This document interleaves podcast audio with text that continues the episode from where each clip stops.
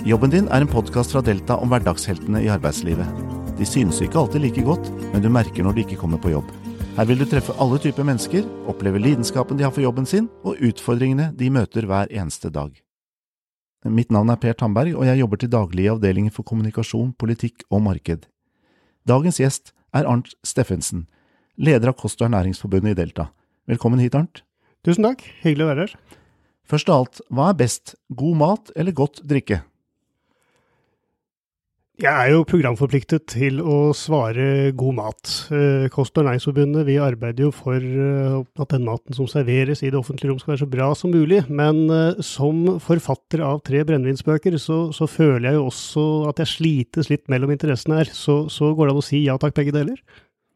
Siden du er politiker, så skal jeg godta det svaret på dette spørsmålet. Medlemmene i Kost- og ernæringsforbundet tilbereder og lager mat til eldre og syke, til barnehager og skolefritidsordninger, og til de som bor på ulike institusjoner, for å nevne noen. Hvilke yrkesgrupper er det egentlig dere organiserer? Du kan si eh, vi begynte for eh, mange år siden bare ved å være kjøkkensjefer. Da het vi De norske sykehuskjøkkensjefers forening, eh, og siden så utvidet vi også til å gjelde vanlige institusjonskokker. Men i dag så er vi si, over hele, hele spekteret. Vi har uh, kjøkkensjefer, kostøkonomer, kokker, uh, kjøkkenassistenter og andre som da arbeider med mat. Dette er jo hardt arbeidende yrkesgrupper, som vi som pårørende eller foreldre sjelden eller aldri møter, kanskje. Mm. Samtidig mener vi mye om den jobben de gjør. Er det mange av dine som føler at dette er litt urettferdig?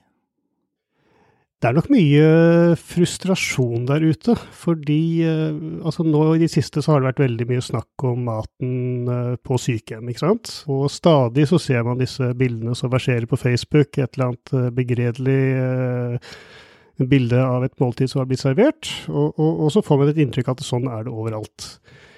Det som er utfordringen, eh, eller det som er kjedelig og som kan oppfattes litt urettferdig, det er at eh, man lager maten på et kjøkken, og så sender man maten ut av kjøkkenet. Og det vi vet, er at det er veldig mye som kan skje med den maten før den kommer fram til pasienten. Og eh, der er det, der er det litt utfordringer for å få, for å få det til, til, å funke. Fordi i praksis så kan maten være kjempegod og holde høy kvalitet og alle disse tingene. Men det skal liksom bare én stressa person i siste leddet som ikke vet hvordan maten skal behandles, som gjør at det, det ser ut som et takras i, i, i, siste leddet. Så eh, ja, det kan oppleves litt urettferdig innimellom. Hva slags bakgrunn har du egentlig før du ble fagforeningsleder på heltid, som du jo nå er? Jeg er jo kokk av yrke. Jeg har jobbet som kokk i en sånn 25 år omtrent. Jeg eh, jobbet mesteparten av tiden i, eh, i kantinebransjen. Og så var det litt tilfeldigheter som gjorde at jeg ble dratt inn i dette systemet. Og eh, litt tilfeldigheter og litt evnen til å si ja på de gale stedene. Du var litt inne på det eh, tidligere her, at dette med mat på institusjoner, og særlig eldre mat, er jo på dagsordenen hele tiden. Og kvaliteten varierer slik vi som publikum opplever det. Finnes en matnorm som alle egentlig skal følge? Det gjør jo det. Altså, Helsedirektoratet har jo laget retningslinjer på hvordan maten skal være på institusjoner, på sykehjem, eh, i, i barnehager. Altså all mat som serveres i offentlig regi, egentlig, det skal følge da en, en viss norm. Og, og, det er basert på det man har av tilgjengelig forskning. Eh, du kan si det finnes veldig mange fine enkeltstudier som tyder på at uh, hvis man gjør slik, så blir man frisk osv., men, men det som Helsedirektoratet eh, anbefaler, det er basert på flere tusen forskningsrapporter fra hele verden som går over tid. Og På grunnlag av det så har man eh, retningslinjer som går på hvordan maten som serveres f.eks. til syke på, eller eldre på sykehjem skal være. Hvordan maten skal være på, på sykehus hvis man lider av de og de uh, sykdommene.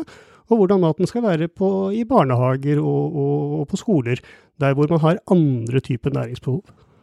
Og dette er retningslinjer som oppdateres fortløpende ut fra ny forskning, eller? Ja, det, det, skjer ikke så veldig ofte, og det er ikke noen sånne dramatiske endringer, men uh, det er små justeringer som da går over tid.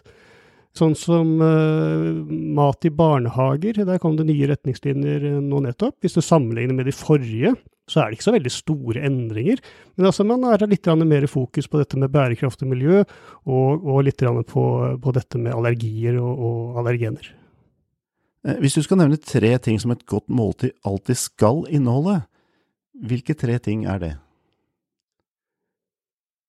Et godt måltid eh, handler ikke bare om eh, maten som er på tallerkenen, men det handler også om hva som er rundt. Det skal være en god ramme rundt måltidet, det skal være hyggelig å sitte der, og ikke minst skal man ha noen å spise sammen med. Det er liksom den hellige treenigheten et måltid består av. Da er det naturlig å spørre, hjemme hos deg, eh, Ja. er det du som lager maten der? Og er det alltid de lekreste retter på bordet hver eneste dag, eller kan du også ty til en Grandiosa i travle stunder? Det er alltid jeg som eh, lager maten. Det er så eh, enkelt som at eh, vi er en småbarnsfamilie. Altså, vi har en liten jente på fem år. Det er kona som henter. Jeg leverer, og kona henter. Og så er det så enkelt at jeg er en kokk som lager maten mye raskere. Eh, Vi har selvfølgelig, vi prøver jo i helger å, å, å lage maten sammen, men eh, det skaper som regel dårlig stemning og eh, mye krangling. Så, så som regel så er det jeg som lager maten, og, og kona dekker på bordet. Funker helt utmerket. Men eh, å påstå at det er eh, med en femåring som er sliten og kommer hjem fra barnehagen og eh, en stressa hverdag, selvfølgelig det er enkle løsninger også, også i heimen til Kost- og ernæringsforbundets leder. Men det skal jeg si at ferdigpizza det kjøper vi faktisk ikke. Det tar jeg til etterretning. um, har du noen favorittrett? kommer helt an på humøret og situasjonen. Altså, det kommer litt an på årstidene. Når høsten kommer, så syns jeg det er kjempegodt med liksom tunge gryteretter. Uh, F.eks. sånn biffgryte i rødvin, eh, sånn bøff bourguignon. Og selvfølgelig, eh, når jula kommer, så er det jo eh, disse tradisjonsrettene som man alltid skal igjennom. Eh, torsk, eh, kokt torsk og lever og rogn på, på vinteren, og selvfølgelig når sommeren kommer, så er det disse sommerrettene. Så jeg, ikke, jeg kan ikke nevne én spesiell favorittrett, det er heller eh, veldig mange. Men, men alltid når vi vanlige, holdt jeg på å si, snakker med kokker og andre som kan mat, så blir vi litt engstelige, for det høres så vanskelig ut å lage store, flotte retter. Er det egentlig så vanskelig som vi skal ha det til? Altså, det er selvfølgelig øh, Nei, det er ikke vanskelig. Eh, man skal legge lista der man har, på å si, har forutsetninger for det. Og hvis du, skal, hvis du skal invitere til et stort selskap, ja, men da skal du velge de rettene som, man, som du faktisk har laga før, og som du veit hva, hva du holder på med. Og så må du huske at man skal jo være vertskap også. Eh, Så hvis du liksom skal invitere til et selskap og, og lage god mat, så skal du ikke, skal du ikke sette opp en meny som gjør at du, du står på kjøkkenet hele tiden og aldri får snakka med gjestene. Jeg ble bedt om å lage mat til et bryllup til svogeren min bort borte på Vestlandet for et par år siden. Og eh, de er eh, vegetarianere, eh, og, og lurte på om jeg kunne lage mat til, til bryllupet. Jeg hadde aldri laga vegetarmat, så jeg måtte skikkelig ta meg sammen, men eh, det var morsomt. Men de hadde jo en del helt urealistiske forventninger til si, hva som er praktisk å lage til eh, 78 stykker. Så, så eh, man, må, man må tilpasse menyen eh, virkeligheten, og det kjøkkenet og det utstyret man har. Men da går det som regel bra. Vi må komme oss litt bort fra det private kjøkkenbordet over til institusjonen igjen. Ja. Du har nevnt mat- og måltidspolitikk som et begrep jeg har hørt flere ganger. Mm. Hva er det, og hvorfor er dette så viktig? Hvis du tenker på en eh, kommune, så har jo kommunen en masse forskjellige virksomheter der de har eh, ansvar for eh, å servere mat. Du har barnehager, du har SFO, skolekantiner i mange tilfeller, rådhuskantiner, og i den andre enden av skalaen så har du selvfølgelig sykehjem og institusjoner. På alle disse stedene så Altså, man har jo et budsjett å forholde seg til, og man har rammeavtaler og alle disse tingene, men kommunepolitikerne kan ikke bare ta for gitt og håpe at de ansatte på de enkelte stedene vet hva de holder på med, at de følger de, at de leser seg opp på alt som har med lover og forskrifter og retningslinjer å gjøre. Og man kan jo håpe at de liksom bruker fritiden til, til å gjøre disse alle tingene, og man kan selvfølgelig håpe på at de skal gjette seg fram til kommunens ambisjonsnivå. Vi mener jo at, at kommunepolitikerne bør forsikre seg om det, og det redskapet det er en mat- og måltidspolitikk. Det er rett og slett en forventning og en beskrivelse fra politikerne sin side om hvordan mattilbudet i kommunen skal være på de enkelte stedene. Det bør ikke være noe sånn voldsomt avansert dokument, men det er rett og slett bindeleddet mellom teori og praksis. Sverige og Danmark så er dette her mye mer vanlig. Der, er, der har de fleste kommunene en, en mat- og måltidspolitikk, som da forplikter både politikerne og eh, de ansatte på institusjonene til, til å følge. Og, og, det er et levende dokument som man, som man bruker helt aktivt. Eh, føler du at viljen til å lage et slikt dokument er til stede overalt? De færreste Jeg har ennå ikke hørt om noen norske kommuner som, eh, som har det.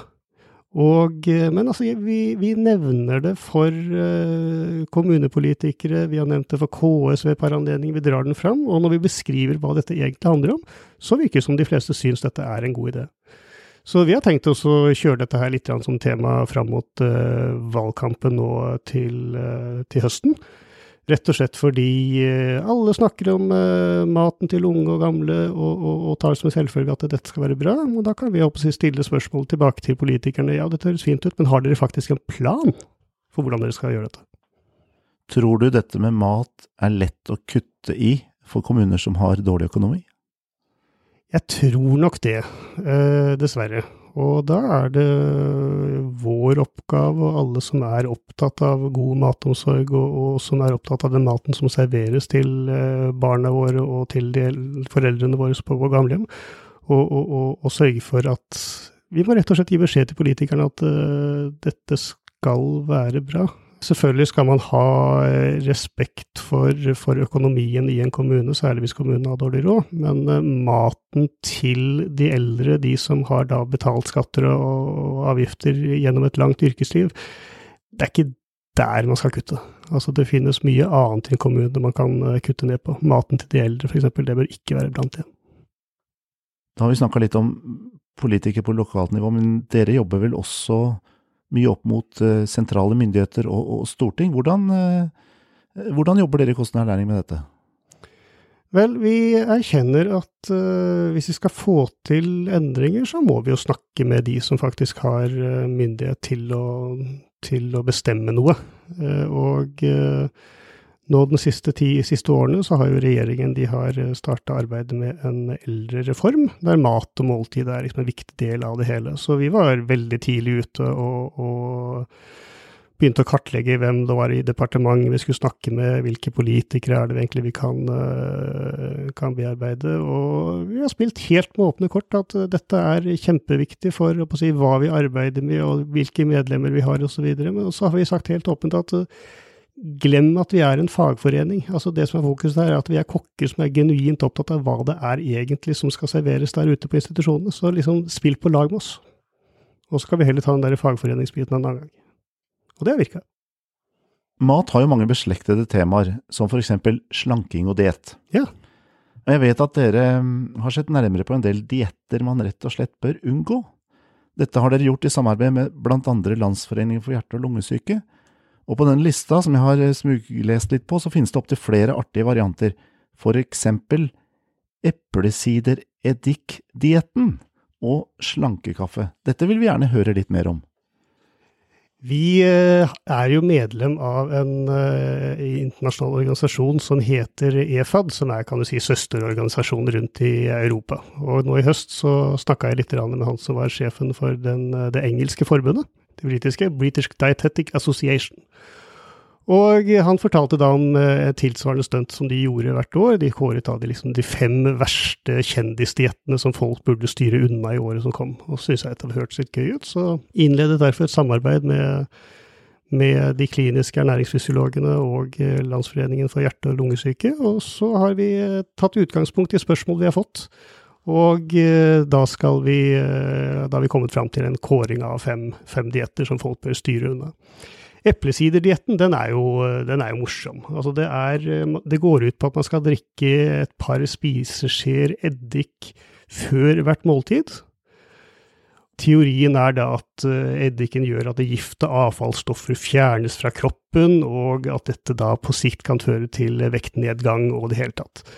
Og blant uh, sannhetsvitnene uh, så har vi jo da kjente helsepersonligheter som Victoria Beckham og uh, Jennifer Aniston, som jo selvfølgelig har bred og dyp kompetanse på nettopp dette. Det som er problemet, er at det, det finnes ikke noe dokumentert effekt på dette. Altså det er noe sånn derre halvveis forskningsrapport som viser at det kanskje kan dette ha noe å si, men altså hvis man ser seriøst på det, så, så finnes det ikke noe. BBC eh, i England de, de, gjorde en undersøkelse på dette. De tok en 30 personer og, og fikk dem til å følge denne dietten i en to måneders tid. Og resultatet eh, viste seg at det var ikke én som fikk antydning engang til vektreduksjon.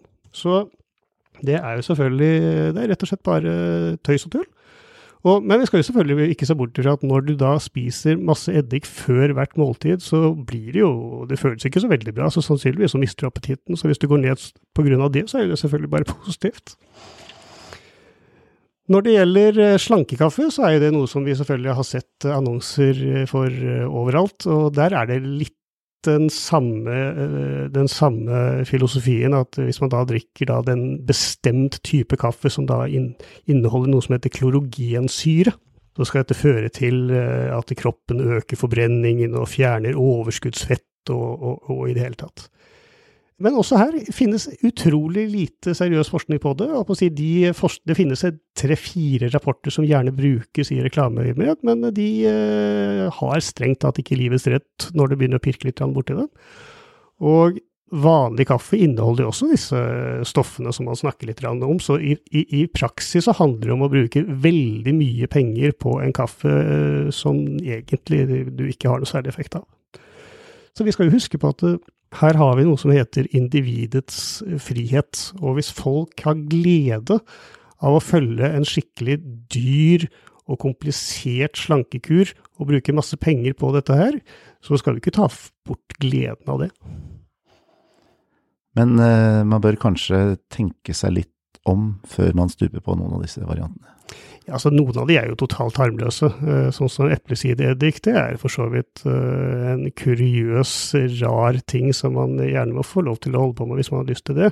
Men det er en del andre dietter hvor eh, konsekvensene kan bli litt større. F.eks. det hvor man skal da fjerne la være å spise hele matvaregrupper, altså kutte ut f.eks. Frukt og grønnsaker. Du, har, du har en, en, helt ekstrem variant som heter nå karnivordietten, som vi også har med på toppen av listen. som er, Det dreier seg om at man bare skal spise kjøtt.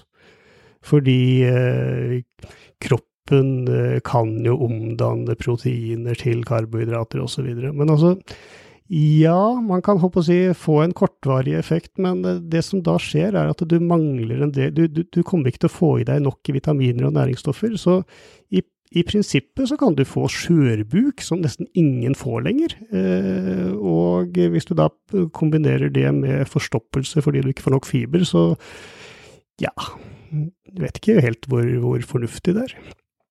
Du var litt inne på det helt, helt i starten, at uh, du også har skrevet noen brennevinsbøker, ja. som du kalte det. En av dem handler annet om akevitt. Og jeg har sett i ettertid at du slår litt på alarmklokka og har utbasunert at den norske akevitten er i fare. Er den det?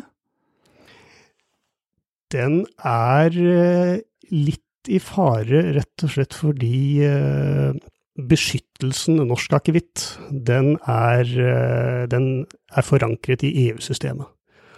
Og så har altså eh, Landbruks- og matdepartementet de glemte å fornye den lisensen for et par år tilbake. Og eh, dermed så vil jeg spissformulere litt og si at kanskje man da ikke lenger har lov til å kalle det norsk akevitt. Men den kommer nok til å gå greit. Det går bare mye, mye tregere enn man hadde forventet når det gjelder norsk akevitt, så syns jeg det er mye morsommere å pirke litt borti altså hvor norsk er den egentlig? Man får inntrykk av at dette er liksom det norskeste av det norske, man bruker norske poteter, og det er liksom eh, Det blir ikke mer norsk enn dette. Det er liksom på, på, på linje med geitost. Men veldig mye av krydderet man bruker til akevitt, det kommer fra de fire verdenshjørner. Bort fra Asia og Latin-Amerika, fra Afrika osv. Anis og, og, og en del uh, morsomme ting. Og det lagres jo på uh, spanske eikefat. Og hvis du ser på linjeakevitten, så har jo den da reist jorda rundt og krysset ekvator to ganger. Så da kan du spørre liksom, hvor, hvor norsk er den egentlig da? Det er ikke så vanskelig å oppfatte at du er veldig engasjert i både mat og drikke. Blir du aldri lei av å snakke om det? Jo, det, det kan hende. Altså, det er jo enkelte temaer som går igjen og går igjen og går igjen.